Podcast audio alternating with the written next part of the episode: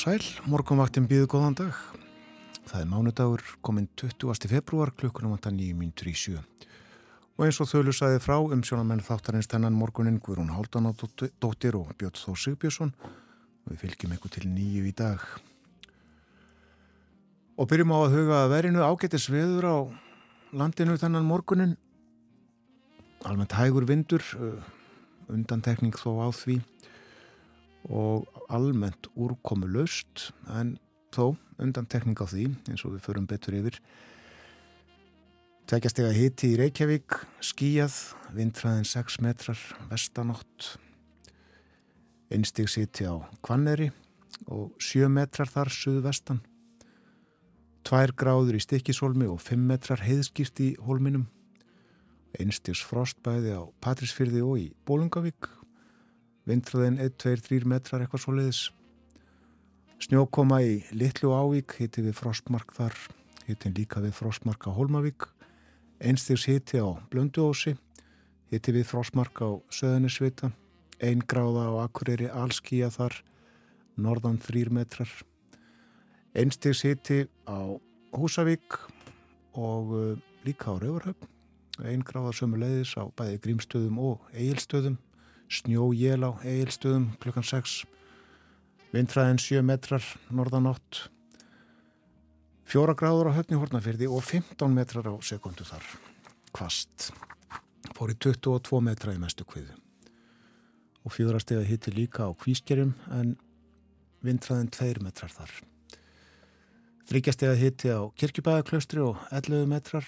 3 gráður líka á stórhauða í Vestmanægum og 19 metrar bálkvast á stórhauða einstig sitt í Árnesi nýju metrar.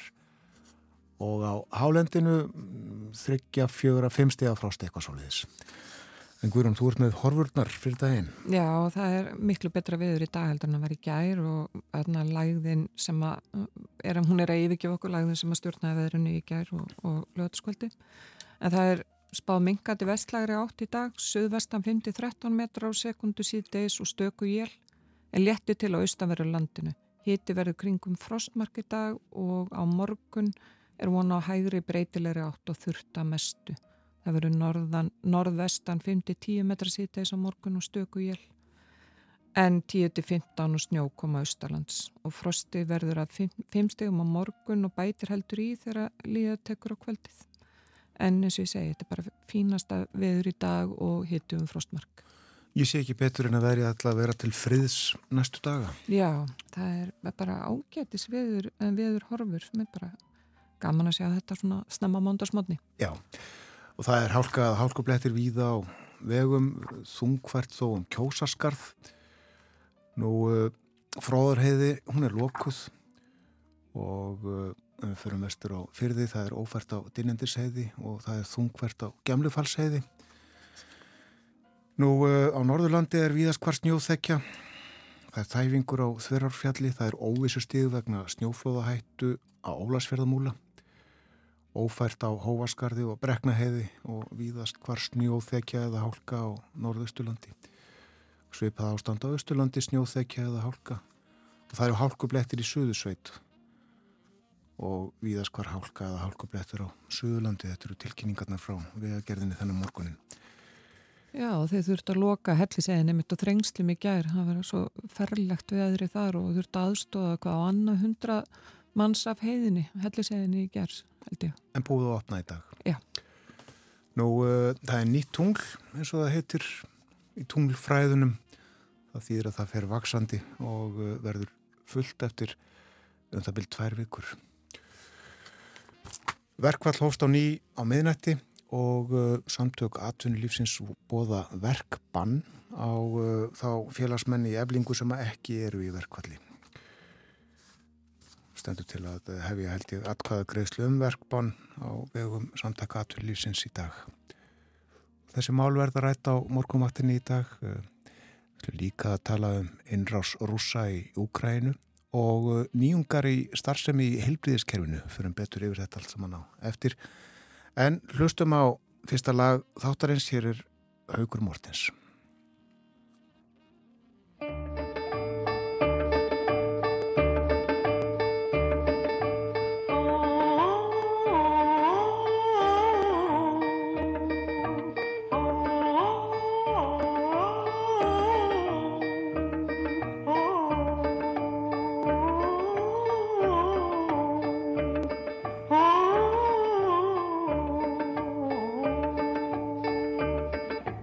Istanbul was Constantinople, now it's Istanbul. And Constantinople been a long time gone. But Constantinople now is Turkish delight on a moonlit night. Every girl in Constantinople lives in Istanbul. And Constantinople, so you got a date. In Constantinople, she'll be waiting in Istanbul. Even old New York was once New Amsterdam. How are they changed it, I can't say. People just like it better that way. Take me back to Constantinople. No, you can't go back to Constantinople. Now it's Istanbul. Constantinople, why did Constantinople get the works? That's a nobody's business but the Turks.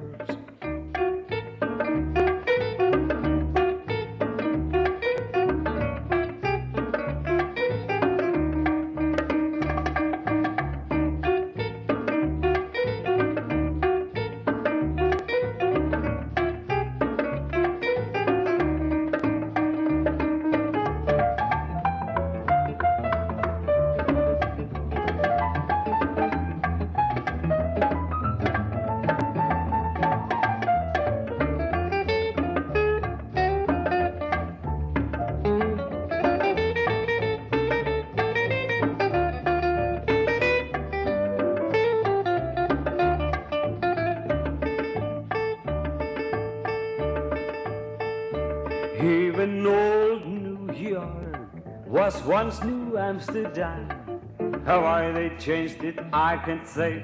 People just like it better that way. Take me back to Constantinople. No, you can't go back to Constantinople. Now it's Istanbul. Constantinople, why did Constantinople get the work? That's nobody's business but the Turks. That's nobody's business but the Turks.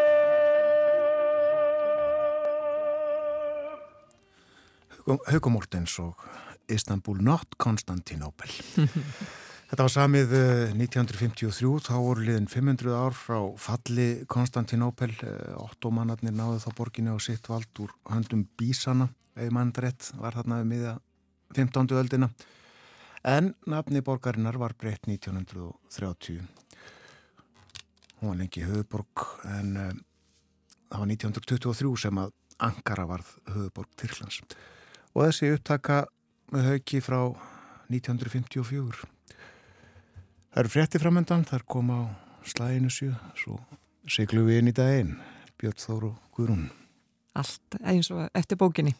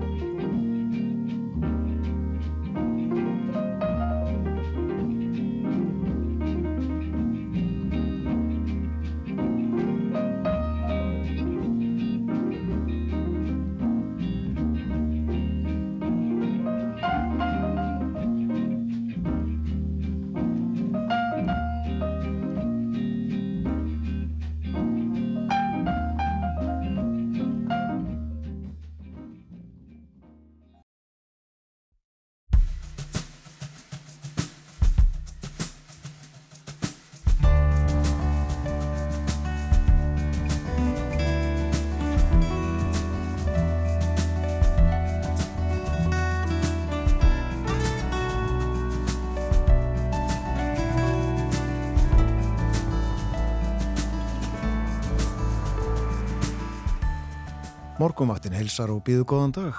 Í dag er mánudagur 20. februar. Það er bolludagur og líklegt að fólk sporður renni einni eða tveimur með sítiðiskaffinu. hafið það ekki á annað borð fengi nóg í gær um helgina líklegt að margir hafi tekið emitt forskot á sæluna um helgina þetta er eiginlega bolludags helgiordin Já, en við höfum ekki með neina bollur hérna hjá okkur í dag kannski aflegginga þess að ég borðaði alltaf mikið að bollum í gær. Mm. en umsjóna með þáttarins í dag eru Björn Þór Sigbjörnsson og Guðrún Haldunadóttir Og það er ímislegt á daskra hjá okkur verkvall hjá eblingarfólki er hafið og ný og það stefnir í verkbann atvinnurekenda á alla félagsmenn eblingar sem ekki eru í verkvalli Kristján Þórður Snæbjarnason fórseti alltíðusambandsins verður hjá okkur halv átta og við förum yfir stöðuna Adelín Tratz kom fyrst til Íslands fyrir 28 árum og það var út af sumarvinnu tengdanáminu hennar í Ramasverkfræði í Fraklandi og hún sá fljótt að hún vildi bara búa hér á Íslandi og stóð við það. Adelín er verkefnastjóri nýþróunar og heilbreyðis og upplýsingatekni deilt landsbytalands og hún kemur til okkar hingað morguvaktuna upp klukkan hálf nýju og við ætlum að ræða, ræða stafrænt umhverfi heilbreyðistjónustunar. Og við fjöllum líka um innrás rúsa í Úkrænu. Það er rétt hæft ár síðan hún hófst. Áskiprinjar Torfarsson verður með okkur eftir morgunfréttir. Og við ætlum að velta fyrir okkur hvernig efnahags þvinganir Vesturlanda gegn rúsum hafa gagnast. Áskiprinja verður hér eftir morgunfréttinar klukkan átta. Um það byrj svona verður morgunvaktin þennan morgunin. Og við hugum að veðrinu, það er uh, útlitt fyrir ágættis veður í dag og næstu daga. Já, það er lægðin, hún er sem sagt á leiðinu austur fyrir land og komin töluvert langt austur og fjarlægist okkur hratt. Og það drefur úr vindi og úrkoman sem sagt að völdum lægðarinnar norðan og austarlands er einnig og undanhaldi. Og sýta þessi dag þá er bara heyrir lægðin sögunni til og þá má búast við söðvestan 50-13 metrum á sekundu og stöku jélum á vestur helmingi landsins. En á austanverðu landinu léttir eins og að til með björnt og fallegu veðri og híti verður kringu frostmark í dag. En á morgun þá er útlitt fyrir að hæga breytilega átt og úrkomulösta mestu fyrir lutadagsins. En það gengur síðan í norðvestan 5-10 metra síðdeis með stöku jæljum en 10-15 metra og snjókomu austarlands og frosti verður alltaf 5 stegum á morgun og það bætir heldur í vind annarkvöld. En ljúft og gott þanga til síns mér. Gott, gott. Það er hálka víða á vegum, uh, semstæðar þungvært til dæmis um kjósarskarð. Nú uh, snjóþekja er almennt á vegum á Vesturlandi. Vegurinn um fróðarheiði er lokaður og uh, það er snjóþekja á vegum á Vestfjörðum, Þævingsferða og Stengrimsferðarheiði, einnig á Gemnufalsheiði og á veginum norður í Árnesrepp. Hann er sem sagt fær en Þævingur á honum og það er þungfært um þröskulda, ófært á dynjandisheiði.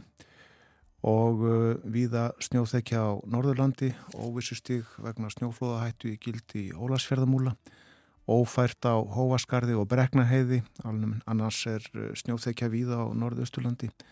Það er ófært á Fjörðarheiði og Vaskarði eistra, annars staðar á Östurlandi snjóþekja, nú eða hálka. Og hálkublettir eru í Suðusveit á Suðausturlandi og það er víða hálka á Suðurlandi. Þetta voru skeitin frá vegagerðinni.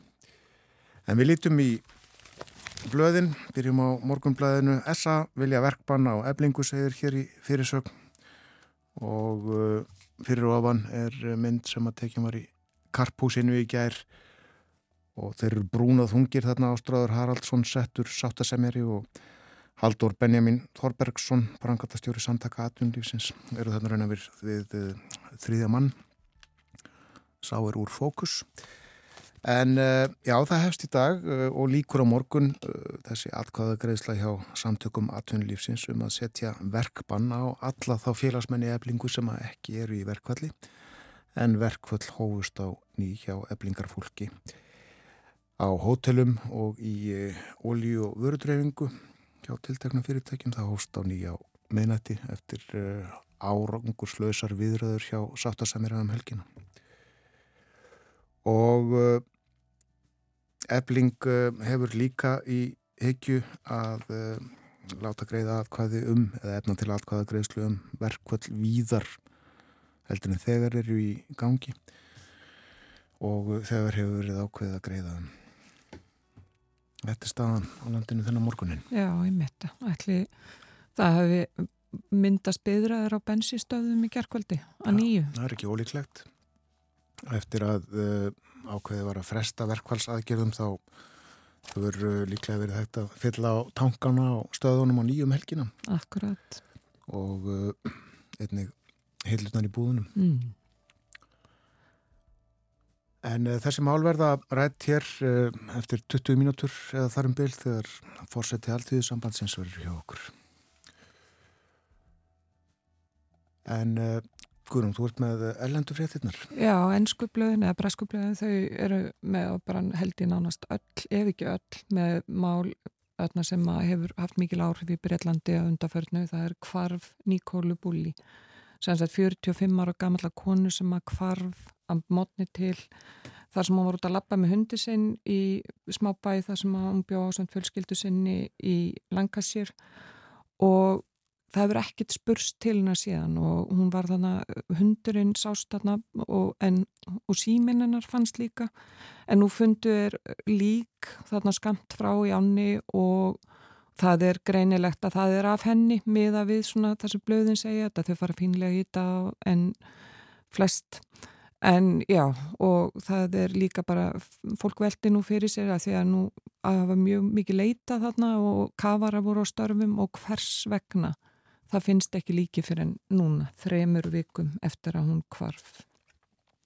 Svo er líka verið í, í Bresku fjölmjölunum verið að fjallum baftavelunin sem að voru aðfendi gerð og það var uh, kvikmyndin tíðindalust á Vesturvíkstöðunum sem kom sá á sigraði, fekk sjöverlun og aldrei, með mynd hefur, kvikmynd hefur aldrei fengið jafn mörg baftavelun áður. En uh, kvikmyndin hefur henni spáð líka góðu gengi og óskarsvelunaháttíðinni en þetta er endurgerð í rauninni að því að myndin var, þessi mynd var fyrst sínd árið 1930 og hlaut þá hvað, tvenn, e, tvenn Óskarsvölun og þetta var í þriðja skipti sem held í Óskarsvölunum voru aðfendt en hún kom út eitt bókin tíðindalust á Vesturíkstöðunum á íslensku 1971 og það var Björn Fransson sem þýtti þessa bók. Til á mörgum heimilum held ég. Allavega á ég hana.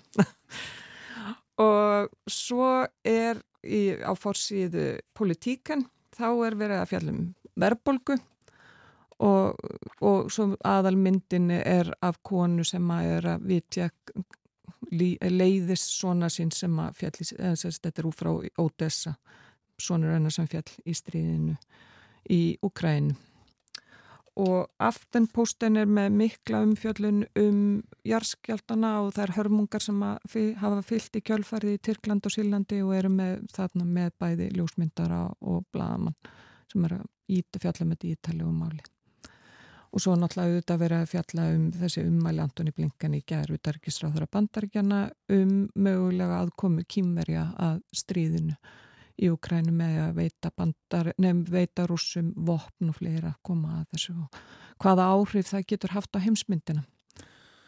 Við myndumst stöldlega á tunglið hér fyrir fréttinnar. Það er nýtt tungl sem þýðir að uh, það sérst ekki en það fer vaksandi og verður fullt eftir um það byrj tvær vikur Hlustum nú á lag um tunglið.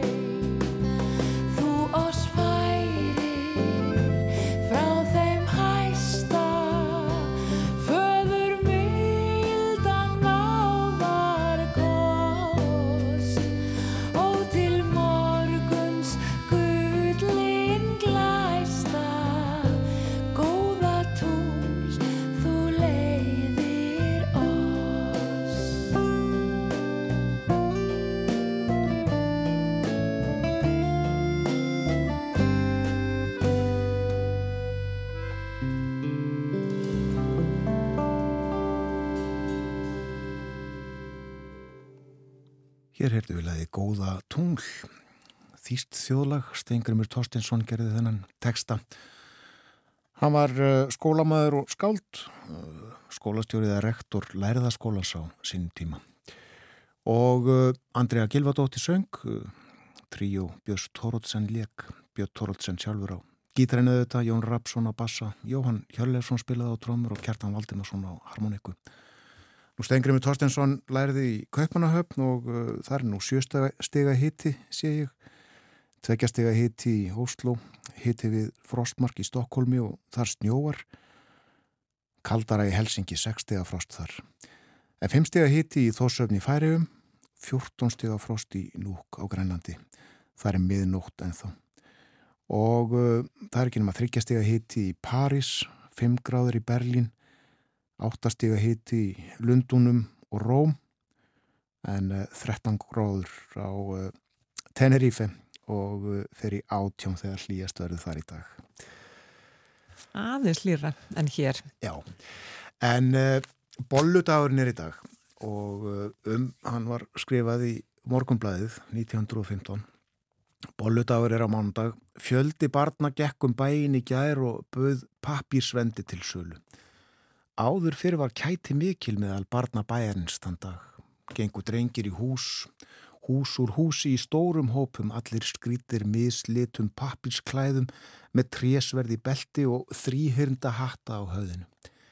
Í hverju húsi sunguður nokkur gömul íslensk lög og að því loknu tók fóringin skinnpingjuna úr buksnavasanum. Kæmið það fyrir að einhver húsmóðir væri ófús að láta nokkra auðra í pingjuna þá dundu skammirnar yfir hana. En nú er komin önnur öld. Minni á að þetta var skrifað 1915. Marseringar sem það var kallað eru nú hortnar eins og svo margt annað einkennilegt og skemmtilegt úr Reykjavíkur lífinu og það eina sem virðist vera eftir af kætinni frá fyrir tímum á bóludaginn er óhemju köku átt barnana og full búðaskúfan af smápenningum hjá bökurum bæjarins Bollan kostar því miður þrjá tveggeringa í þetta sinn. Já, heimur vestnandi fyrr var sagt uh, þarna 1915. Alltaf betra í Ganada, það hefur lengi verið, lengi verið sagt. Rétt aðeins að uh, pólitíkinni á Íslandi þingfundur verður í dag eftir uh, hlið í síðustu viku þegar þingmenn fórum um kjördæminn.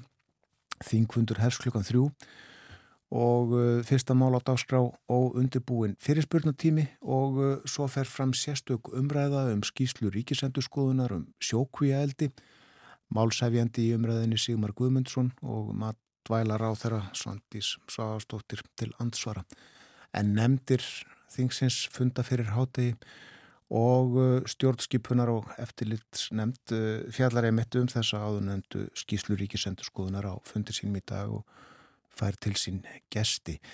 Nú, uh, ég veit ekki, verður líklega uh, fáment á þingfundi í dag, þannig er að Gjörvöld fjárlega nefnd alþingis er í fræðsluferð í Paris.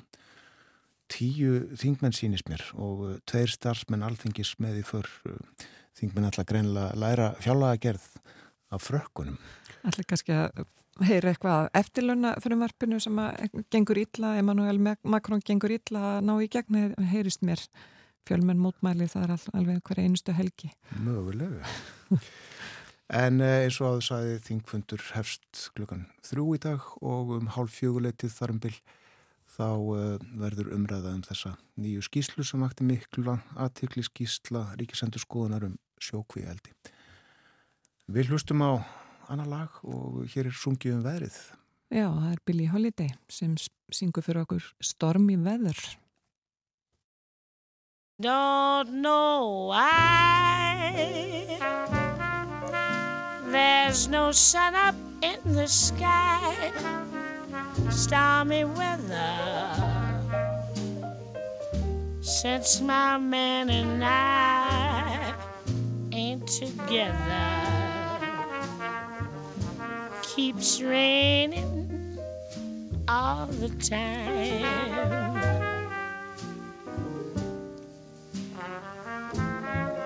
Life is bare gloom and misery everywhere, stormy weather. Just can't get my poor self together. I'm weary all the time, the time, so weary all the time. When he went away, the blues walked in and met me. If he stays away, old rocking chair will get me. All I do is pray the Lord above will let me walk in the sun once more. Can't go on. Everything I had is gone. Stormy weather. Since my man and I ain't together. Keeps raining all the time. Keeps raining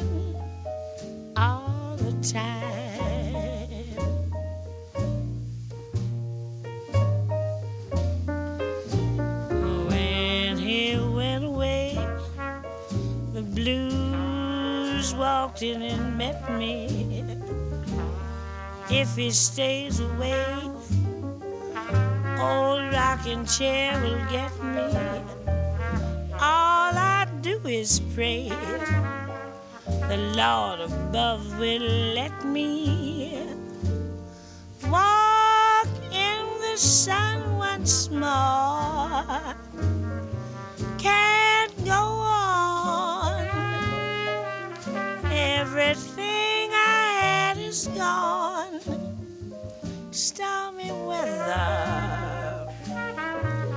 Since my man and I ain't together. Keeps raining all the time.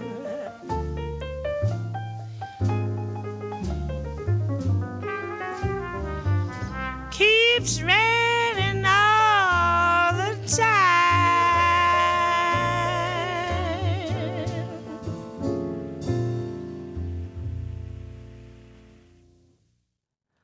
Þetta var lagið Stormy Weather með Billie Holiday frá 1952 en þetta lag er frá 1933 og ímsir sem hafa flutta hing, um, hinga til. En þarna ég sá á Guardian ágætisfrétt og það var um sagt, gestur á listamessu sem tóksta henni tóksta brjóta stittu eftir Jeff Koons stittan í metinu 42.000 dollara bandargetali eða rúmar 6 miljónu króna. Hún, allavega svona, hún rétt ítti við henni svona að því að hún talið að hún hafi haldið þetta væri jafnvel svona bladra eins og eitt þekktasta verk eftir Jeff Koons, hundurinn, bleiki hundurinn. En það stittan reyndist við og einhverju öðru og fór í þúsund móla en hún er heppin konan að það er sagt verkið tryggt þannig að hún situr ekki uppi með að greiða 6,1 miljón króna fyrir þetta óvart, óvilja verk eins og þeir sögðu sem að stýra safninu. En verki brotið? Verki algjörlega ónýtt. Þetta í Miami. Já, glemst að setja upp miðan banna að snerta. Já, nákvæmlega og hann myndist alveg á það líka Jeff Koons að hún hefði alveg mátt passa aðeins betur upp á verkin. Já. Kristján Þórður Snæbjörnarsson, fósetti Alþýðusambands Íslands er komin í hús og uh, sest hjá okkur eftir fréttaði liti sem kemur eftir stuttastundu við ætlum að tala um uh, verkvöld uh, verkbönn þessa vinnudeilu, eblingar og samtaka atvinnlífsins. Svo minn ég á eftir morgun fréttinar klukkan átta, þá verður hjá okkur Áskei er Torvarsson, sérfræðingur í fjármálum er hjá okkur annarkot miðgudag, annarkot mánudag og uh, í dag ætlum við uh, að velta fyrir okkur áhrifunum uh, sem að efnahags og viðskiptaþvinganir vestuveldana gagvart úsum hafa haft. Hafa þessar aðgerðir gagnast eitthvað? Við spyrjum sérstaklega því það er á förstu daginn sem að liðið er eitt ár frá því að rúsar riðust inn í Úkrænu.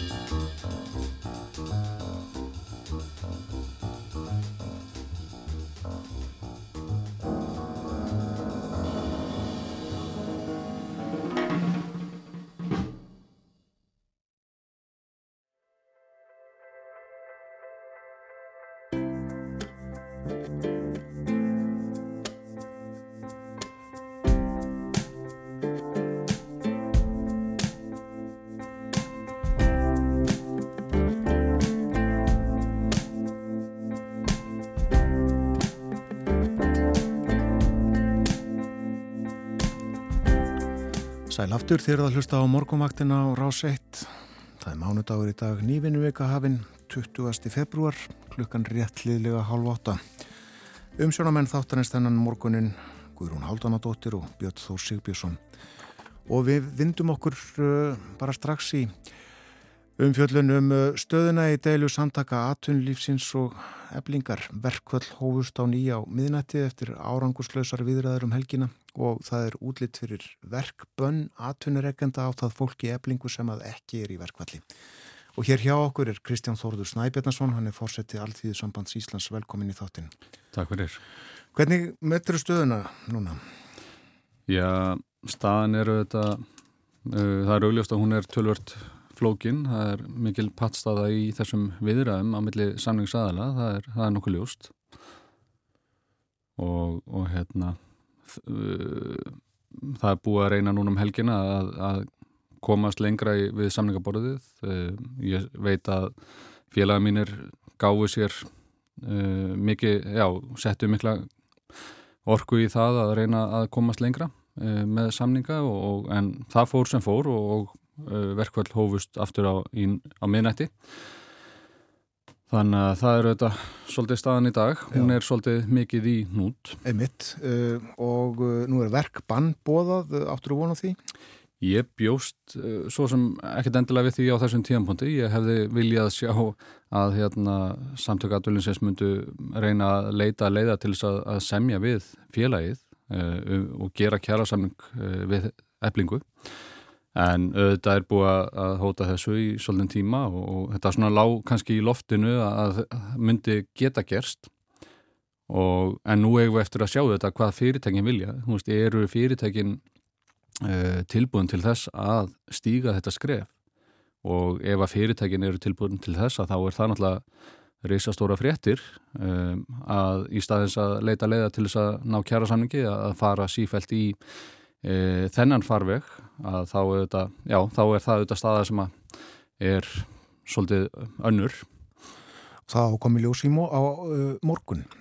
Já, mér skilst samkvæmt fréttum morgundansins, uh, semst morgunsins að hérna að það hefjist á hátegi í dag og ég er líka fyrir á hátegi á morgun niðurstaða úr uh, einhverju atkvæðagreyslu á meðal fyrirtækina. Já, en Áttast þú þig á því, vel á því, sko, hver miklu munar á kröfum eflingar og því sem að fólki sambarlegum störfum í öðrum félögum fær? Nei, nú, ég er ekki efnislega inn í þeim atriðum sem er verið að ræða við samningaborðið. Það er náttúrulega bara samninganemt eflingar og, og síðan samninganemt uh, atun, samtaka atunlýsis. Uh, þannig að ég er, já, ég er svo sem er ekki efnislega inn í því, en, en uh, þetta hins vegar hljómar eins og sé nú ekkit svakalegt bíl á milli en, en þess að maður veitir nokkuð um það. Já, það, já efling fer fram á uh, eitthvað meira heldur en uh, náðist í, mm. í uh, samningunum í fyrir áramót. Mm -hmm. Myndi það að þínu viti setja aðra samninga í uppnám ef þessa gengi að tilbúið eflingar? Já, nú er þetta þannig að, að á, hjá okkur eru við með fjölda kjæra samninga samningur eblingar auðvitað er sjálfstæður kjærasamningur og þau eru auðvitað að gera sinn samning fyrir sitt fólk með þeirra markmiðum. Um, hvaða áhrif það hefði á aðra kjærasamninga ég sé svo sem ekki veist, það er ekkert eitt sem útilokkar annað í þessu að, að ebling get ekki samið um, um það sem hendar á þann uh, hóp og þarfuð þetta, það þarfuð þetta að gera kjærasamning sem að félagsfólk eblingar samþykir og það eru þetta það sem að svo staða sem er uppi.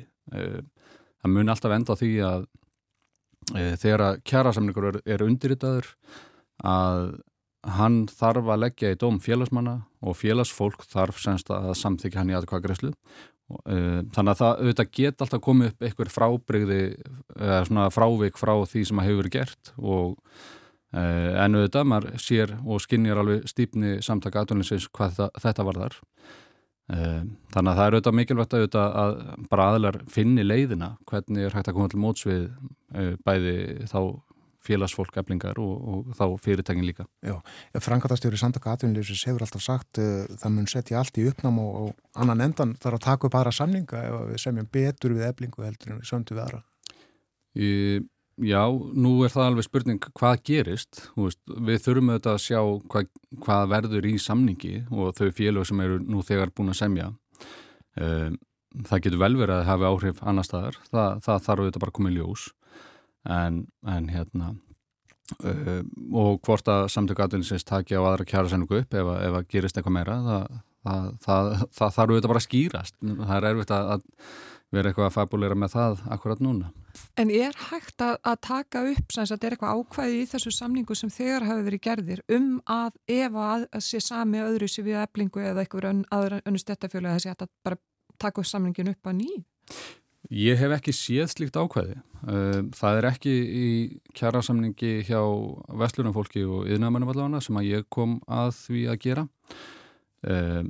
Þannig að ég hef ekki séð slíkt þannig að en auðvitað ef að, ef að hérna, ef að kemur eitthvað frávik og ef að samtöku aðvunninsins uh, ætla sér að uh, flytja það yfir í aðra kjærasamlinga þá þetta bara er hægt að setjast að samningsborðinu á hvaða tíðanpunkti sem er. Það þarf ekki að vera með lausa kjærasamlinga til þess að, að semjum eitthvað meira og gera breytingar á kjærasamlingum. Það þarf bara vilja að begja aðila og ef að það er til staðar, sá vilja til staðar að þá þetta gera samningsaðilar það. Hvernig metur uh, annars stöðuna í þessu? Þar að segja, uh, hefur þú trú á því að þau muni ná saman efling og samtök aðtunlífsins? Nú er, að, er maður auðvitað alltaf það bjassitna að, hérna, að það muni nást eitthvað niðurstaða. Og ef við horfum á söguna þá auðvitað hefur alltaf nást niðurstaða vendanum sem að, hérna, hefur leitt til þess að annarkvort að samningur tekur gildi eða, eða eitthvað niðurstaða. Þannig að já, uh, Ég held að það muni að sjálfsögðu gerast. Uh, nú er þessi kjara deila búin að þróskast öðliti meira uh, á síðustu dögum og vonandi fann að skýrast betur, betur þessa línur hvar það er líka. En já, það, þetta mun alveg öruglega enda með einhverju nýðustöðu og þetta vona maður bara að það veri sem fyrst sem að það gerist. Já, bendur ekki ímislegt til að, að þetta verði ekki leist öðru í sig en með lagasendingu? Ég held að það væri afleitt niðurstaða að uh, þetta myndi enda í ykkur slíkri niðurstöðu. Ég held að yngripp stjórnvalda í eðlilega kjarateilu sé aldrei niðurstaða sem að geti verið farsælt til lengdar.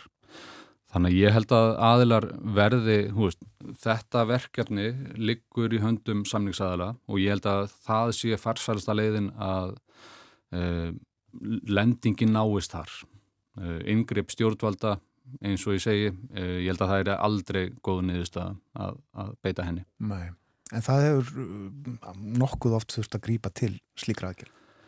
Já, það hefur, já, nokkuð, nokkuð oft, eh, ótrúlega oft verið greipið til þess að setja lög á, á deilur og, og ég held að það sé mjög sjaldan sem að það sé með jákvæðum formerkjum sem að það er gert. Þannig að vonandi kemur ekki til þess. Nei. En ef að það verður samþygt þetta verkbann að það, það hefur gríðarlega áhrifvæntalega á verkfallsjóði eblingar? Já, e, eflaust. Það, það þetta breytir vissulega þessari uh, aðferðafræði hvernig félagi hefur stilt þessu upp og, og, og getur þetta haft áhrif á verkfallsjóðu þar. uh, það mun eflaust líka hafa verulega áhrif á, á stöðu fyrirtækjana þannig að fyrirtækin eru ekkert stikk frí í þessari aðgerð ef að, ef að kem, kemur til þess og, og hérna þannig að ég held að þetta mun hafa alveg klálega áhrif á, á báða hópa ef að, ef að fyrirtækin samþykja að, að setja á verkbann. Það er ekkert sjálfgefið heldur. Já, heldur þau að þau gerir það ekki? Ég, sko, ég er ekkert alveg samfæður um að, að þau gerir það. Um, eflaust hafa samtök aðalinsins það, það góða stjórna á sínum eh, félögum að, að þeir náu réttir niðurstöðu en ég held að fyrirtækinu verði líka hugsa sinn gang ef, ef þau ætla að grípa til þessa verkvaris Rétt að þess að dómi eh, landsréttar frá því síðustu viku í máli sátt að sem er að gegna eblingu uh, þarna um kjörskrána, kom hann þér óvart? Nei, í raun og verð ekki. Eh, þetta var svona niðurstað sem að eh, við byggum svolítið við að yrði. Eh, við vorum búin að, að tjá okkur svolítið um það hvernig svona, já þetta var lagt fram þessi miðlunum til það og, og hún var lögð fram á mjög ótímabæran hátt á, og á þeim tímapunkti sem að deila var ekki komið þannig að það væri hægt að grýpa inn í að okkar mati um, og þarna í raun og veru var verið að ganga bara hreinlega of langt í þessum atriðin sem að uh, kom þá í ljós í þessum dómi. En uh, þarf á einhvern nátt að skýra þá uh, úrræðis áttar sem er að betur en gerstir? Ég held ekki. Ég held að staðan sé þannig eins og við höfum litið á innan alltíðsambansins í gegnum tíðina frá því að hérna já, bara alla tíð í raun og veru að, að ég held að staðan sé bara nokkuð skýr uh, ef að sátta sem eru ætlar sér að grýpa til þess að leggja fram einhverja miðlunni tilögu þá hefur okkar málflutningu verið sá að hann þurfi að hafa samráð við báða samningsaðala sem augljóslega var ekki gert þarna og það er ekki gert fyrir en að uh, nöðsinn krefur og kjara deila er komin í þannig hnút að báðir samningsaðilar telja ekkert annað e, í stöðinu heldur en að högva hnútin með einhvern svona hætti.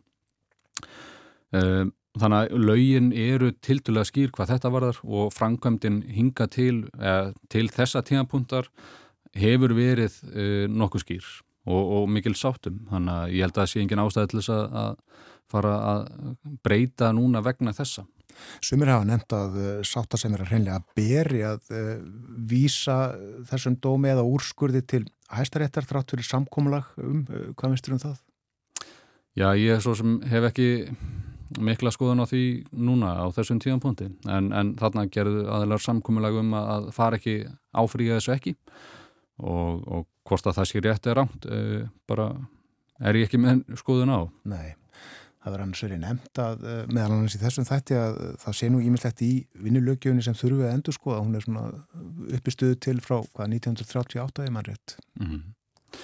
Já, já, það, það hafa komið umræður um það og auðvitað á undarförnum árum líka að, að gera eitthvað svona breytingar. Um, en ég held að innihald um, já, svona ástæða þess að fólk vilji gera breytingar um, sé innihalds litlar oft á tíðum. Ehm, það er, það er hægt að gera breytingar til þess að styrkja lögjöfina, ehm, það er hægt að gera breytingar sem að taka miða því sem er gert í löndunum í kringum okkur en það á sama tíma þá þarf við að horfa á heildarmyndina. Og það er það sem að uh, þeir sem að maður hefur heyrt hvað mest í þeir eru ekki að taka tillit til allra þáttar þeir taka svona jákvæðustu hlutina að þeirra mati en, en sleppa við, við að miklum þáttum. Eh, nefnum sem dæmi að, að þegar að kjara deilur eru í gangi á Norðurlöndunum að þá er það stjórnar og trúnar ás viðkondi félaga að ákveða hvenar verkfall hefjast. Það er ekki farið í atkvæðagreifslur um bóðun verkfalla eða verkbanna og þar er íðulega þannig að, að e, verkalýsfélögin Eh, tilkynna það að það muni hefjast verkvall á fyrsta degi þess sem að kjærasamlingar hafa runnið og gildi og það gerir það verkum að deilur dragast ekki á langin.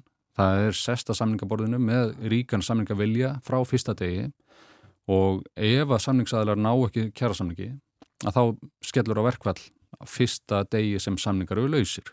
Og það eru þetta atriði sem að ég myndi vilja sjá að kæmi inn hjá okkur ef við ætlum að breyta þessu að þá myndi það geta aukið skilvirkni í kjara viðræðum en, en þessu sleppa aðilar yfirleitt þegar er talum lögin eða svona mér hefur heyrst það. Hér uh, eru samningar oft lausir í ja, mörg ár, þrjú ár held ég til dæmis núna hjá sjómanarsamatinu.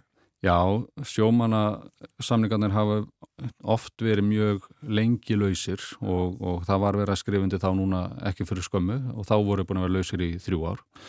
Þannig að það er auðvitað já, já. langur tími að vera samningslaus. Og uh, þar var sami til tíu ára?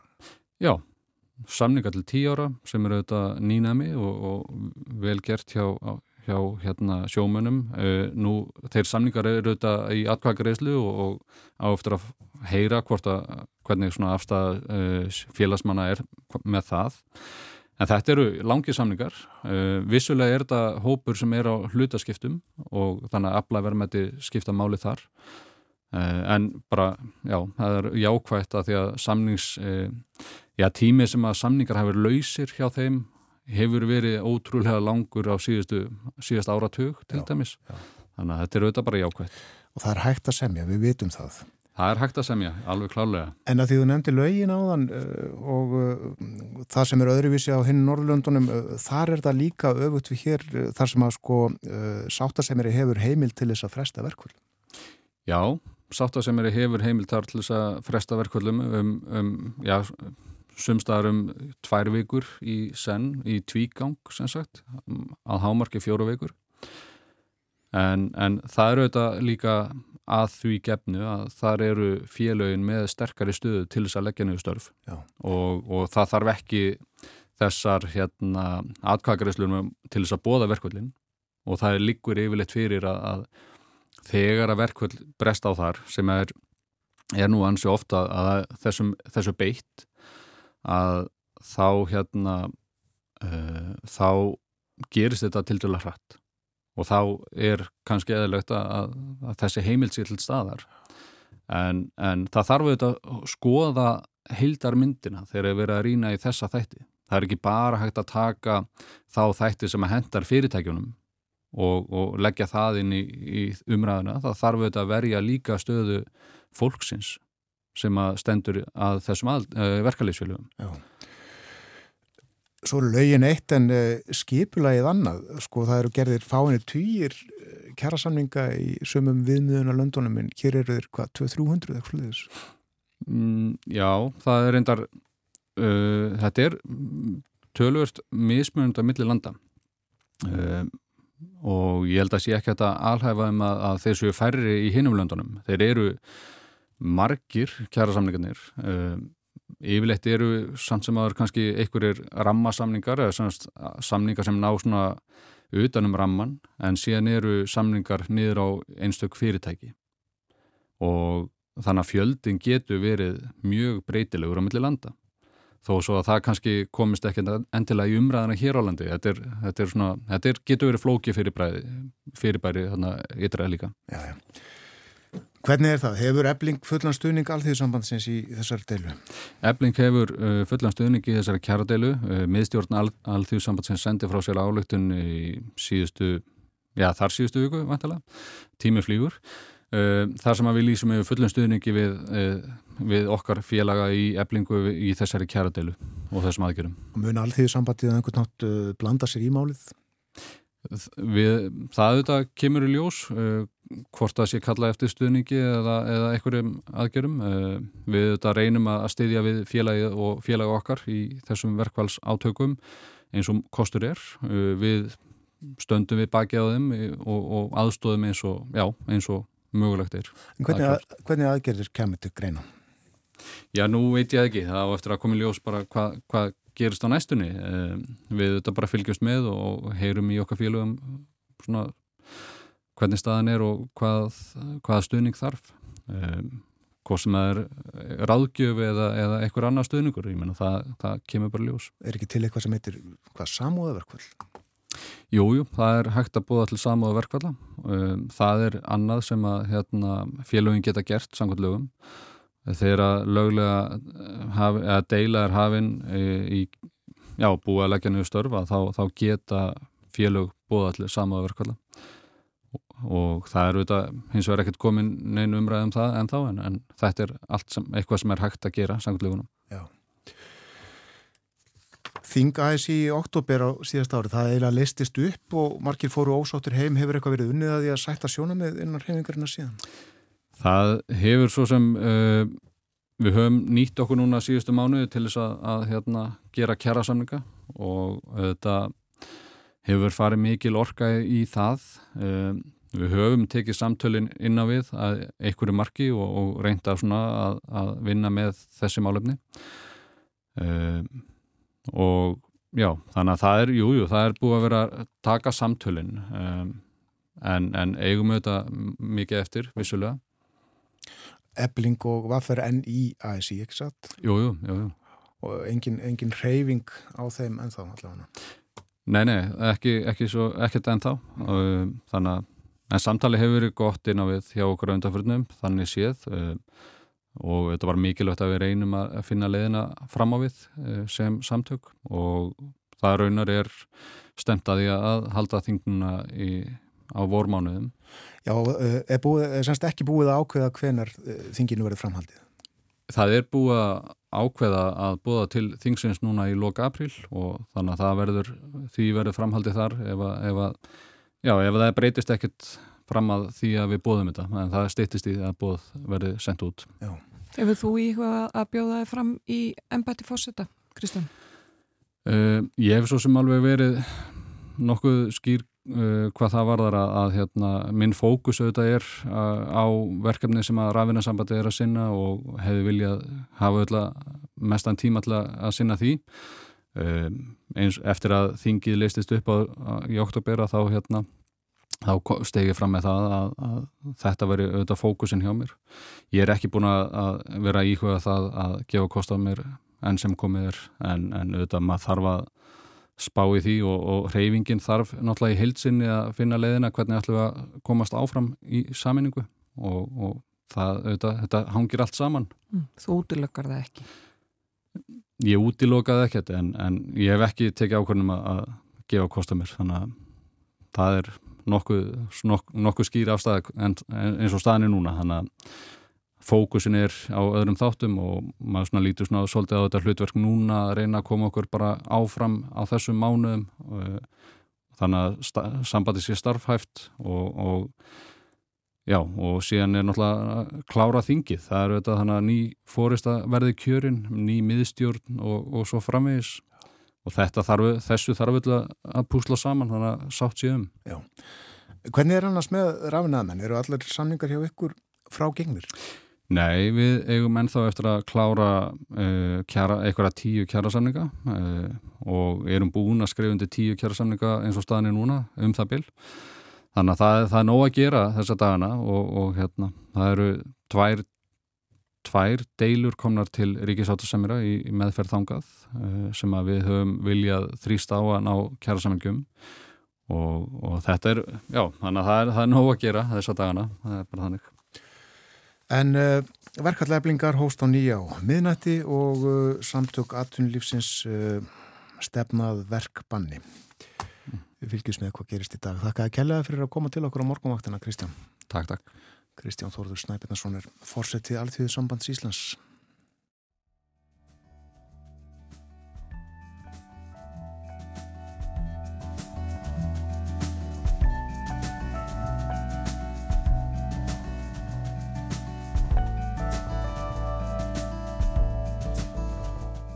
Klukkunum vantar nú 6 minútur í 8, við fáum fréttir á slæginu 8 og uh, eftir þær þá verður hér áskriður Brynjar Torfason. Við ætlum að uh, tala um ímislegt er varðar innrás rúsa í Úkrænu og uh, spyrjum meðal annars hvort og þá hvernig efnahagsþvinganir vestuveldana, vestulandana gagvart rúsum hafa gagnast og upp úr hálf nýju þá kemur hún til okkar hún Adelín Trats, verkefnastjóri nýþrónar og heilbreyðs og upplýsingatækni deilt landsbítalans og við ætlum að læra eitthvað um tæknimálinn á landsbítalunum.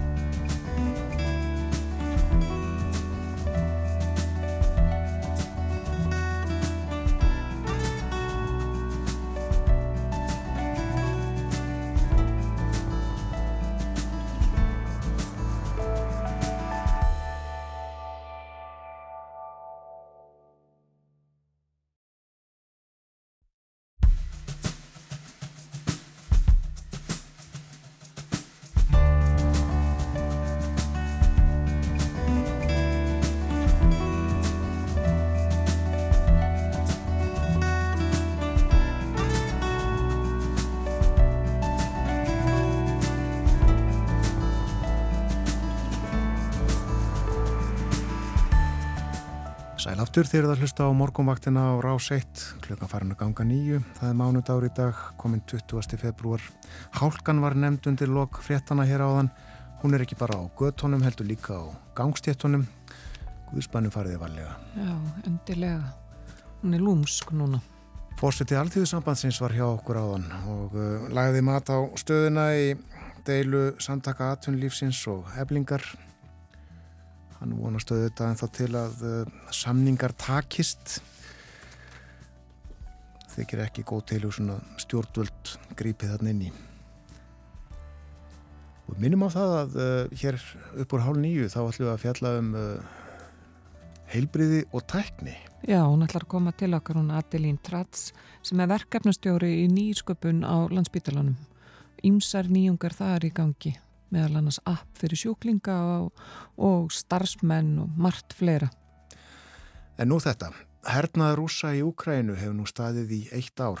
Það var 24. februari fyrra sem að innrásin hófst. Og við fjöllum um ímsar hliðar þessa stríðs hér á morgunvaktinni næstu daga og byrjum í daga á að velta fyrir okkur hvernig aðgerðir alþjóðasamfélagsins eins og það er kallað hafa gagnast. Það er að segja Þær aðgerðir sem felast í efnahags og viðskipta þingunum af ímsu tægi en til þeirra var gripið strax á fyrstu stegum. Áskiprinir Torfassonur komin til okkar. Eh, velkomin. Takk fyrir. Þú hefur eh, skoðað hvaða áhrif þessar aðgerðir hafa haft. Já, mm, ég kom nú eina til ykkar held ég bara daginn eftir eða tveimur. Þetta byrjaði og, eh, og stuttur setna síðan og þetta voru uh, stæstu efnaðsækjari sem maður hafði séð og, og þær voru bæði viðtækar þær voru á nýjum uh, skala með því að frista og haldleggja eignir Sæðlabanka Rúslands í öðrum löndum. Þannig að maður hafði aldrei séð svona lagað gerst en uh, hins vegar uh, var líka sagt að efnaðastvinganir, viðskiptafinganir gera oft lítið gagn Þannig að, já, núna þegar maður skoðar þetta árið setna að þá er eiginlega eins og með mjög margt í þessu stríði allir eiginlega hafðu rámt fyrir sér. Eh, og það kallar á smá svona eh, þekkingar fræðilega auðmíkt og sko, Putin hafi náttúrulega rámt fyrir sér með að, að hann getur áðustan inn og bara ná landinu og nokkrundu en, en, en við sko verðum eiginlega að átt okkur á þessum breyta heimi sem kallar á að uh, hann er flókin og við þurfum að hugsa þetta svolítið vandlega og kannski sætt okkur við að hugsa hlutina frá nokkrum hliðum og uh, það er ekki einfaldur eitt sannleikur, það er að segja uh, auðvita stoppuð efnaðastvingarnar ekki stríðið. Auðvita held Rúsland áfram að fá fullt af dóti sem þá vantæði, það eru lestar af Eh, flutningabílum í gegnum nágrannarlöndin um, auðvitað fá við áfram hér stálið í sjúkrásbyggingun okkar sem að líklegast kemur frá Rúslandi þó það komi ekki núna í gegnum Belarus eða heldur einhver önnur lönd í nágranninu. Þannig að um, það sem er hins vegar erfitt er að vita ef þetta hefði ekki verið gert hvernig væri, væri staðan þá. Þannig að, að ég hallast nú á því sko, að þær hafa haft heilmiklar heilmikil áhrif og, og, og þetta er svolítið viðtækt og flóki það, það er til dæmis ekki búið að stöðva flugflótan í Rúslandi en þeir eru bara búinir að vera að taka flugvelarnar sem þeir voru með og búta sumar þeirra í parta til að hafa varahlutina sem vantar að þeir geti ekki flutt á einn. Um, sko hvað maður getur gert það lengi eh, er svona eitt þáttur í þessu. Það er að segja að við þurfum að horfa á tímafaktorin í þessu og þá, þá reynist ágætlega svona bókalds hérna hugmyndafræðin með byrðir.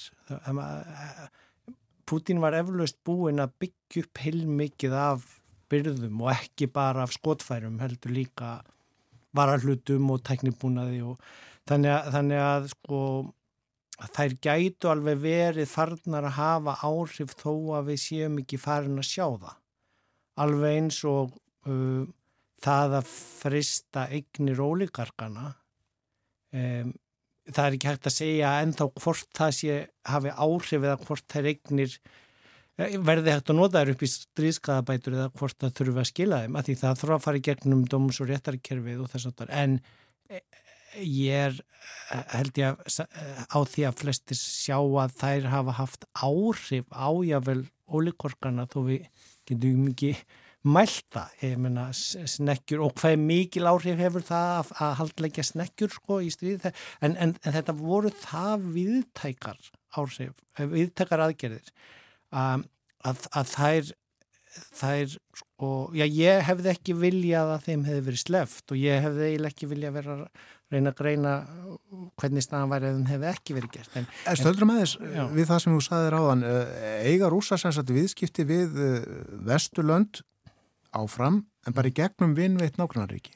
Já, sko, það, það komu tölur uh, frá Evrópska endurbyggingar og þrónabankunum, RBD og, og, og vissulega viðskipti millir Bandaríkjan og Evrópasambandsins við Rúsland og Belarus eru búin að minka þá ber maður saman til dæmis bara um mitt síðast ár við árin fyrir COVID, því nú er vandin hana COVID árin og undan það sem viðskipti fóru úr skorðum. En, en þá eru þau búin að draga saman um helming og, jável meir en það. E, e, en ef maður vikar út sjónarhóttnið og fer að skoða viðskipti gegnum Armeníu, Kyrkistan, Tatsjekistan, Georgiu, Kazakstan að þar er búið að markfaldast viðskiptin og þetta eru ofinberi viðskiptin sem tölurnar eru gefnar upp um í hátölum og þessar. Svo eru, hvað maður að kalla það, e, svartamarkaðsbraski, gráimarkaðurinn eða já, sem, sem e, fer fram hjá hátölum landana í viðbót og, og þannig að sko það er alveg nóg af e, vestrænum farsýmum til sölu í Eh, Rúslandi en þeir eru kannski mun dýrar en áður og þú þarfst að þekka eitthvað til að komast yfir svo og svo er kannski eru þvóttavélarnar sem koma teknar í sundur og, og, og örgjörvarnir og þeim nýttir í hergagnarframlýsla við vitum þetta ekki nákvæmlega en, en, en, en e, og þannig að þetta er það sem ég meina með þeir sem sögðu þegar stríði byrja, já svona viðskipta þvinganir duða nú ekki það er að fara fram hjá þeim. Já það er rétt en Európa-sambandi var í síðustu viku að tilkynna tíundapakkan 16 eh, miljardar efru pakki, eh, þú veist bandaríkinn munu liklega í þessari viku tilkynna um nýjan viðskiptaþinguna pakki á því sér, það er farið að stöðva þarna núna e, myndavilabúnað og drónabúnað, þannig að veist, þetta er bara hluti af hernaðinum sem fer fram þarna á þessu sviði. E, og ver, það verður að gera það samlega hinnur. En hvað vitum við um efnaðslega stöður Úslands? sko hún aftur þarna, hún er miklu betri en, en tölurnar gáðu til kynna eða það sem að sumir voru að vænta þegar að já, sjokki kemur fyrir ári og þegar að þessar miklu aðgerur tilkynna þá var spáði að vel upp í 20% samdrætti að það er því bara krami niður efnaðskerfi Rúslands. Eh, ég vil nú þakka einni konu ansið mikið þar henni eflíðinu Sælabankastjóru Rúsland sem brást við á já, mjög, ef maður segir efnaðarslega uh, snjallan og flottan hátt þannig að, að mildaði höggið uh, fyrir þá. Nú voru að koma í síðustu öku frá alþjóðagjaldir í sjónu tölur. Uh, samdráttunni í Rúslandi var likla í fyrra kringum 3% gæti orðið hagvöxtur í ár þannig að þeirra samdráttur var í raun og veru minni en Breitlands uh, en uh, aftur þarna sko það var spáð 3% hagvöxti, það var 3% samdráttur. Það er 6% breyting í mjög stóru efnaðskerfi þannig að um, auðvita finnur fólk fyrir því uh, en rúsar eru nú vanir ymsu og já, þessar tölur allavega sína fram á að fyrir svona hinn almenna rúsa er þetta minna efnagslegt áfallheldur en 1998, eh, 2008 krísan og jafnvel eh, COVID 2020. Þannig að, að á efnagslega sviðinu er, er Rúsland að koma allt í lægi út úr þessu þar að segja þó að öll vestrænu fyrirtækin hefði meir og meina dreyið sér burtu þá er bara einhver sem tekur við McDonalds og opnar já, heldur áfram hambúrgara sölunni þar undir öðrum merkjum. Jafnvel bílavesmiðuna sem voru skildar eftir mögulega bara þjóðnýttar og, og hvort þessi eru notað alltaf búið til bíla fyrir fólkið í Rúslandi eða herjappa, veitum við ekki en, en, en sem sagt efnahagurinn held bara já, ótrúlega vel áfram með það sem var sagt. Og þetta er eiginlega soldið eins og það sem kom okkur ávast í COVID eins og við munum hér þegar við gáttum ekki farið til útlanda þá fórum við að ferast innanlands efnahagurinn fór ekkert eins illa út úr veirunni eins og kannski já, var óttast í byrjun. Já. En staðin er miklu verri í Ukræn Já, það er þar náttúrulega sko fór efnaðaskerfið náttúrulega bara í rúst. Ég meina miljónir manna flúðu uh, karlmunum er banna að fara á landi en þeir eru ekki að, að vinna mikið í vesmiðunum heldur eru að vinna á vývællinum eða þá þeim vesmiðum sem eru í að gera eitthvað fyrir hernaðin um, sko aftur efnaðslegu töluna samdrátturinn í landsframlegslu sem er þessi mæleining sem við notum út frá hafistunum það var um þriðjungsmingun 30% mingun uh, á efna í Ukrænu í fyrra uh, og þú veist, hallin á ríkisjóði þar var 23% veist, þetta er tíu sinnum meiri halli en, en við eða vestræðin löndur að sjá. Uh, og maður veit ekki alveg einu sinni hversu já, raunsannar þessar hagtölur eru.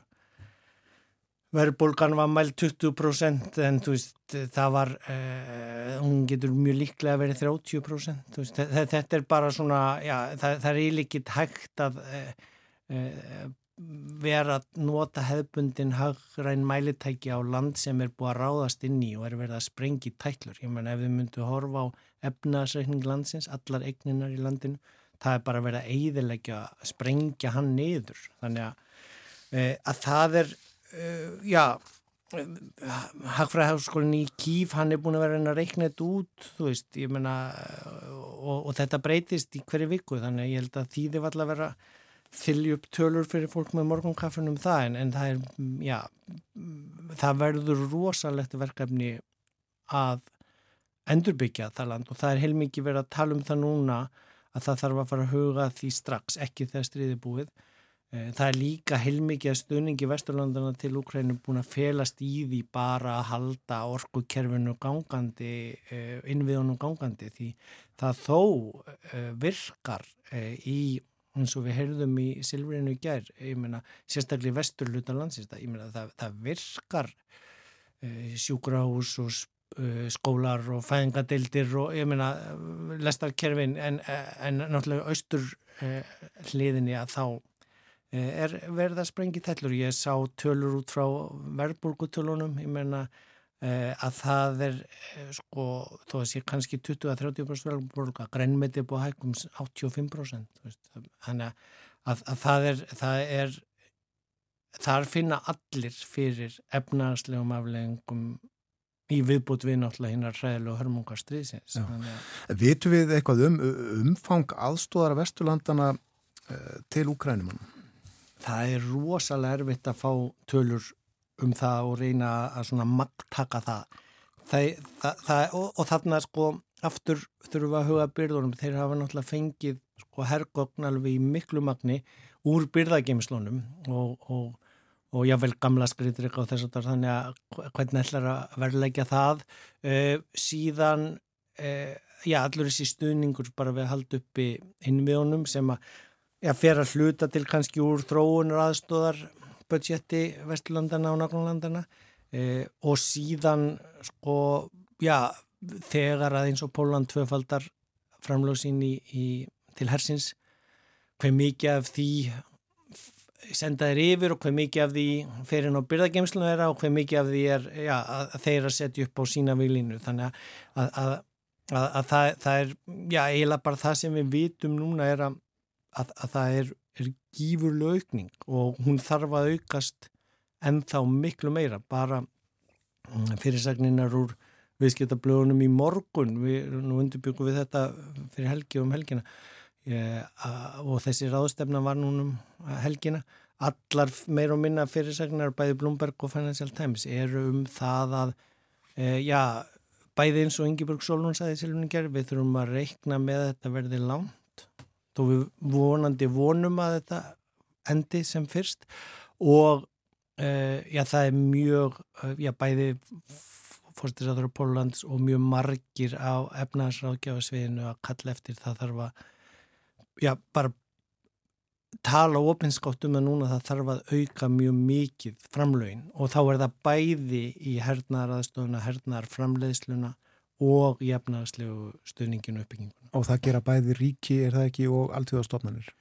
Já, IMF var að samþykja eh, lán og, og það er öruglega bara eitt af mörgum það, það var nú sagt frá því í Blomberg til dæmis þegar að þeir voru að samþykja fyrsta láni þá var Sælabanki Úkrænur reygin í svona úr Sprengjubyrgi uh, og, og það var gerð árás á þá meðan þeir voru að semja um láni við IMF uh, uh, það, þar er aftur verið að halda peningakerfinu gangandi ríkisjóðurinn náttúrulega líka hann já, gengur á forðan í Sælabankanum þannig að gældirisforðan er að minka þannig að þeir þurfa að fá meira þar En eins og þú talar um með þetta allþjóða gældirisjóðurinn sé að auka lánveitingar til Úkrænu. Mm. mm. Ég menna Úkræna var skuldsett land fyrir eh, innrásina fyrir árið síðan. Ég menna það var áðust inn í landi 2014. Já, já, ymmit, mjög mikilvæg punktur og eh, Evrópusamöndi var náttúrulega búin að vera stiðjað og síðan þá heilmikið.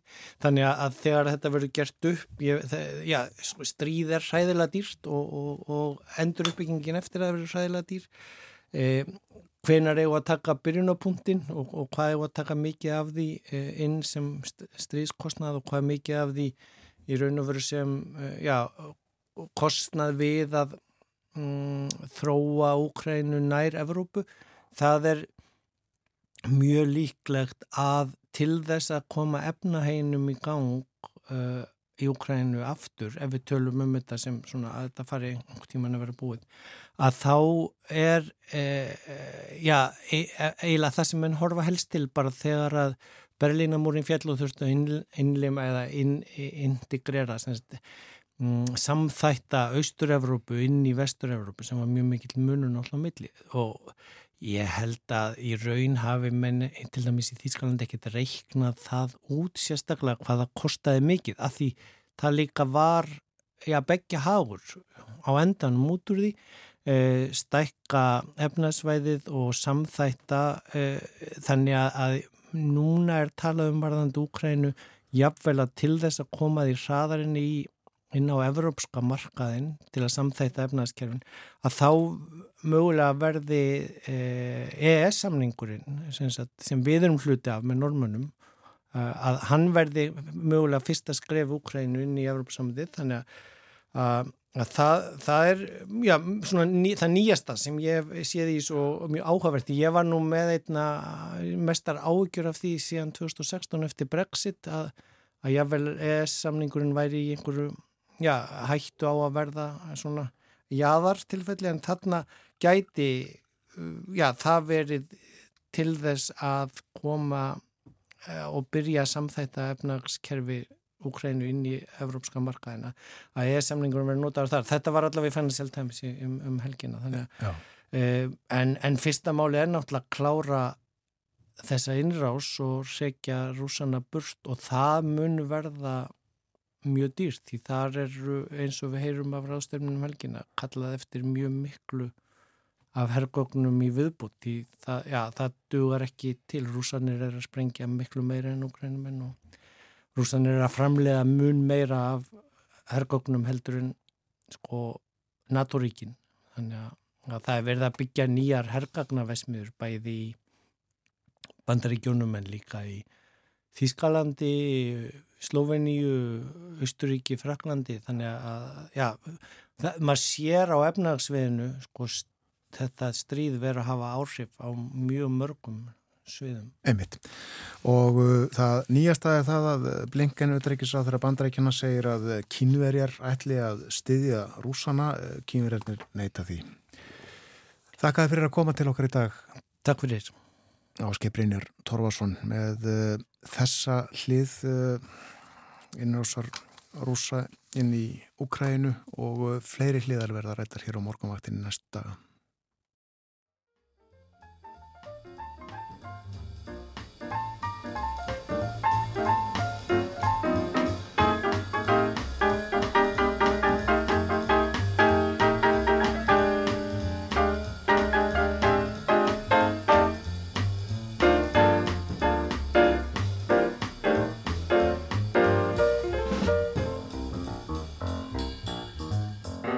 Frettæðifleitiði framöndan hjá okkur á morgunumvaktinu kemur eftir fjórar mínútur fyrst heyru við auglisingar og uh, svo ætlum við að tala um það nýjasta nýtt í heilbriðistjónustu.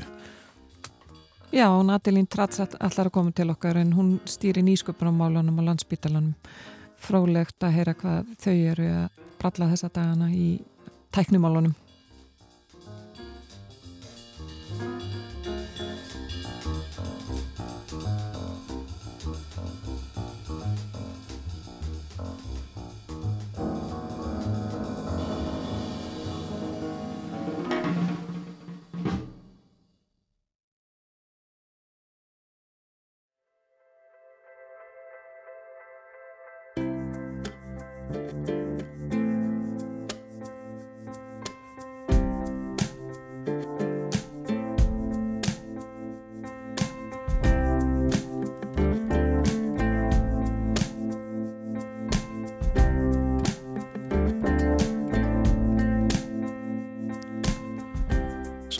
Þið eru að hlusta á morgunvaktina á rás 1 klukka núna réttliðlega hálf nýju við höfum yfir veðurhorfur dagsins.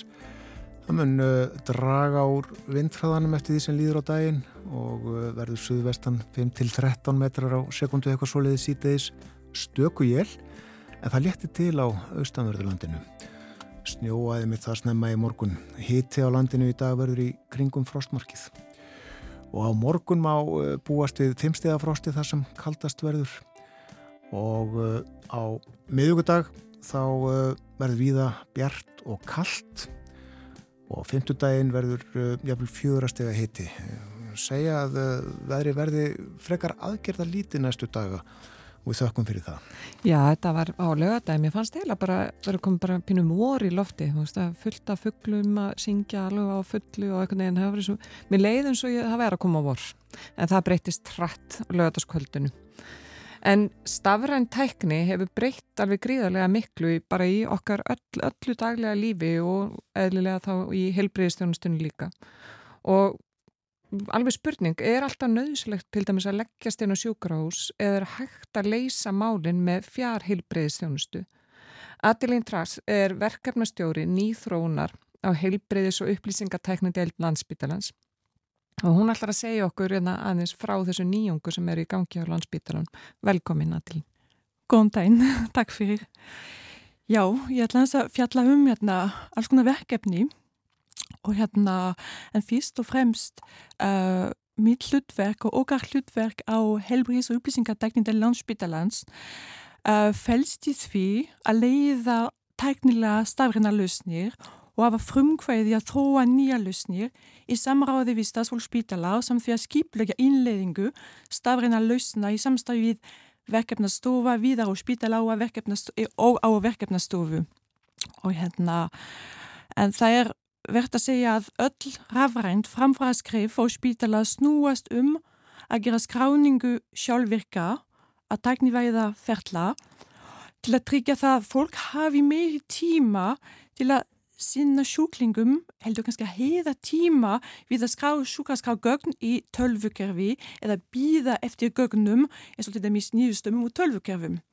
Og hérna mér langar hans kannski að segja um hvað við hefum gert síðustu 15 ár.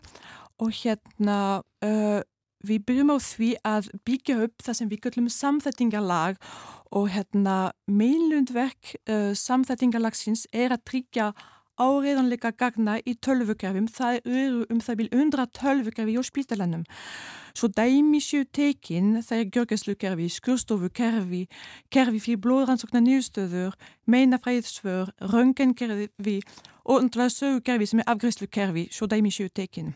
Og við fórum þá líka að þróa svona vefgort sem heitir helsugort og hún kerir ofan á samþætingarlæginu og hún veitir stafsfólki aðgang að upplýsingum í rauntíma á einum stað og á skipleina hátt. Og það má nefna til dæmis á spítalanum rafrein skjáborð í helsugortinni og rafrein skjáborð byrtir rauntíma upplýsingar er rauntíma, þetta er rauntíma yfirlíti við sjúklingar deildarinnar. Uh, ég ætla að uh, taka fleiri dæmi við njólf sérfræðings sem byrtir meðan að rannsóknar nýstu fyrir lagna og bygglista og tilvísanir sem tryggir afgriðstu tilvísana og beðna uh, á rafrennan og örugan hátt og við uh, byggum til líka uh, spjallskilabóðkerfi, einhvers svona messenger Já. bara fyrir landsbytarna sem er dugóðuð. Við byggum til líka sjúklingahópa sem geymir rauntíma upplýsingar um sjúklinga í eftirliti á landsbytala. Mjög áverð, ég ætla að fjalla um þetta kannski setna, varandi COVID og hérna fjárhelbriðsjónustu. Og uh, verður að segja líka helsugortin og gera sem veflaust, vefgort fyrirlagna uh, og hjúkunarfringa kerir að alls á landinu hún er nótuð um land allt af mörgum helbriðstofnunum líka. Um, ég kannski nota tækifri líka núna til að fjalla um eitt stort verkefni sem er uh, erum að innleiða og sem við þróum sjálf fyrir nokkrum árum sem er sem byrlistar og tilvísanir og þessi laus mun bæta og stala þjónustu við helsugöstlu og heimilislagna með því að svara öllum tilvísinum innan 24 klukkustunda. Alla virkardaga hún mun bæta og stala þjónustu við sjúklinga og hérna og mun tryggja það að uh, tilvísanir lenda ekki millir skips og bryggju Mm. á spítalanum. Við munum útrýma tilvísinum á papir og stala verkferðla þvert á spítalanum og það er svona hópur af tíu verkefnastjórum sem vinna þétt saman við forritara og erum við sem einlega að lausna þvert á landspítala og að markmiðar að klára innleðingu í april. En hvað þýðir það, þetta þá að ef að heilsugjæslan sendir á spítalan Já. uh, beðni um aðgerð til dæmis eða eitthvað Já, tilvæst, Já, tilvísun. tilvísun. Já, og þá verður bara innan sólarhinsbúa Já. Eða- þetta af hálfu spítalans. já. Og þá er þá að veita kannski viðkomandi sem á að fara kannski aðgerð uh, upplýsingar hversu langur byggtímin er. Já, við stefnum að því. Já, Já. þetta verður mikil breyting Já, mikil breyting. til hins betra. betra. Já, akkurat. Já, akkurat. Og hérna, er, er mitt, og hérna, mér langar að segja að við séum bara mjög, við brennum fyrir nýsköpun og við brennum líka að finna nýja hugmyndir. Að það sem ég langar að segja er svo sérstakt kannski á landspítalanum, er svona nýþróun og, og tækni framfæri krefjast hugmyndaflugs, kjaks og auðmygtar. Já. Uh, mér finnst það verðt að segja það. Ég vann víðar á landinu áður en ég byrjaði að vinna í landspítalanum. Ég vann hjá Íslander og Vodafone, bara frábært fyrirtæki. En það er svo sérstak landspítalanum. Og hugmyndaflug við næst, þú þarft að finna nýja lausnir og þú ert að hlusta á aðra, þú reyna að setja í spór skurlagna, hjókunafræðings, þú þarft að skilja þarfir þeirra og greina síðan málið og koma með tillögum lausn, svona bara geggjur tilfinning. Og svo auðmygt, þú kemur aldrei með tilbúna lausn sem kaupir herlandis. Þú sé ekki gjör svo vel, þú reynir bara að lusta á aðra fordóma og, og greina, líka vera tilbúin að gera mistök og viðurkenna mistökin. Nýsköpun er óvisa, framþróun líka og það sem er kannski uh, lang mikilvægsta er að skilja verkferðla og skilja starfseminna til að útfæra lausnir sem skipta verulega málið. Um, þið hafið einmitt gert búið til svona smáforrið app akkurat. fyrir sjúklinga. Já, Og hvernig, hver- hvernig virkar það? já, sko það er alveg mjög, mjög spennandi verkefni.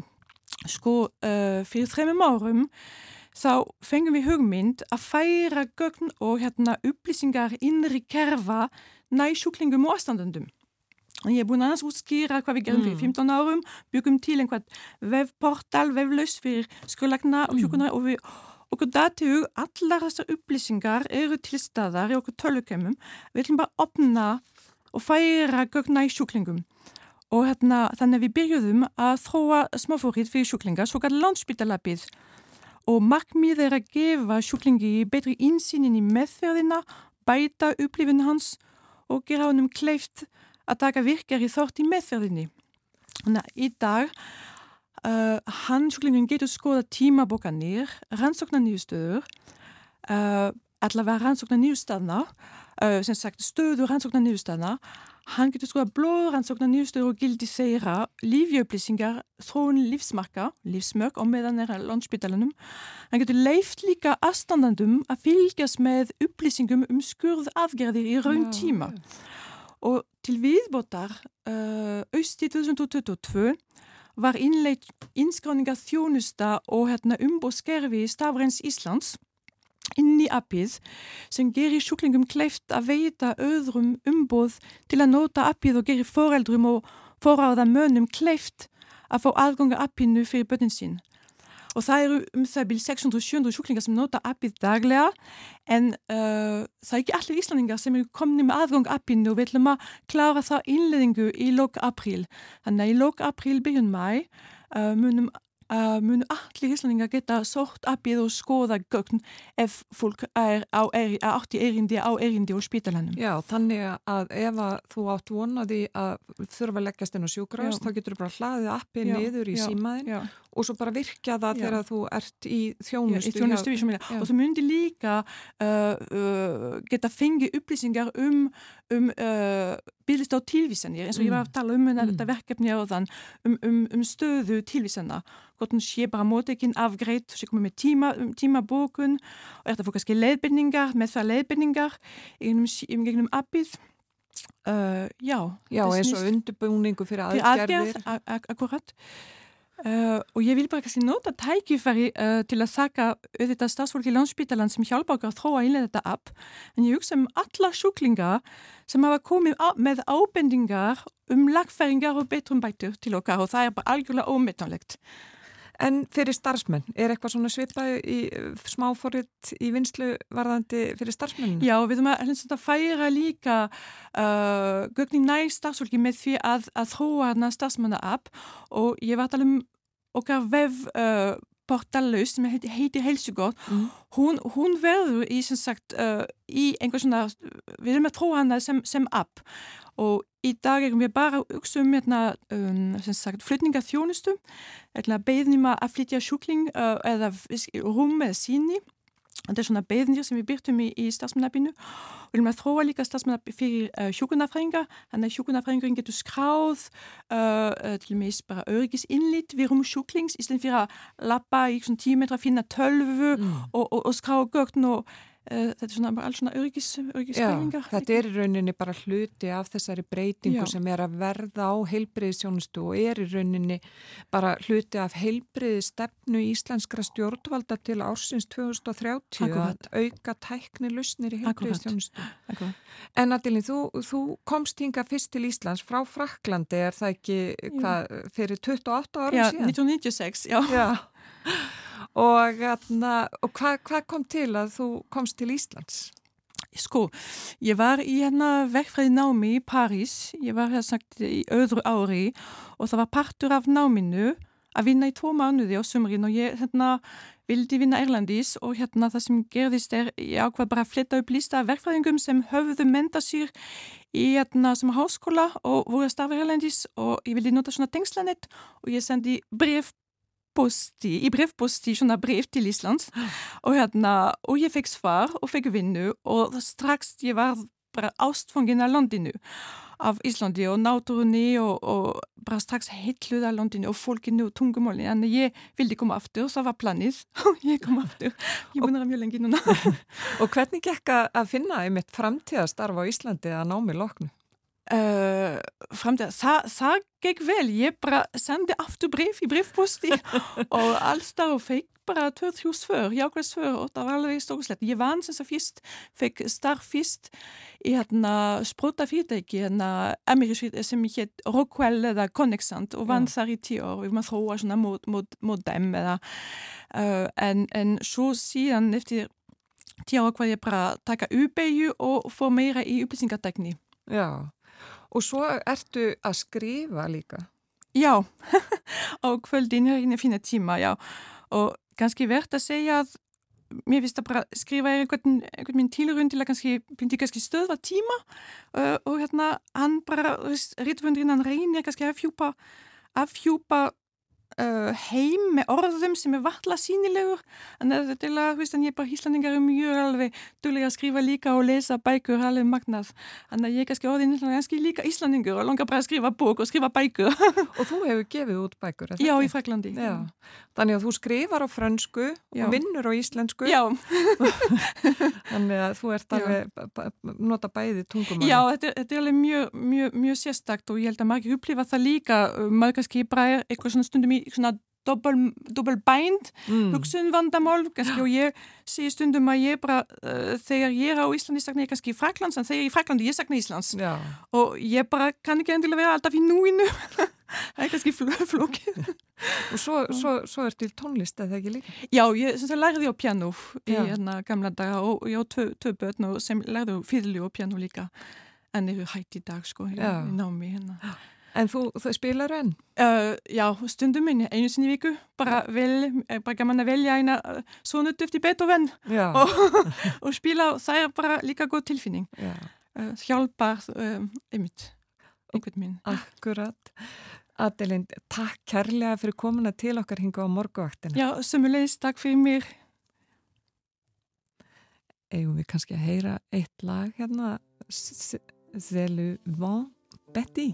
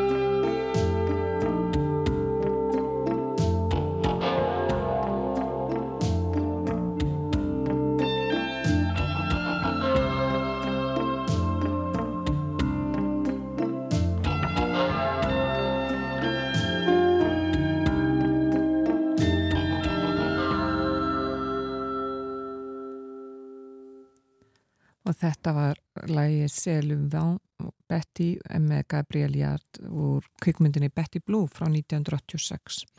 Feiki góðmynd mann eftir því ég sá hann í bíó. Þetta var mikil upplifun.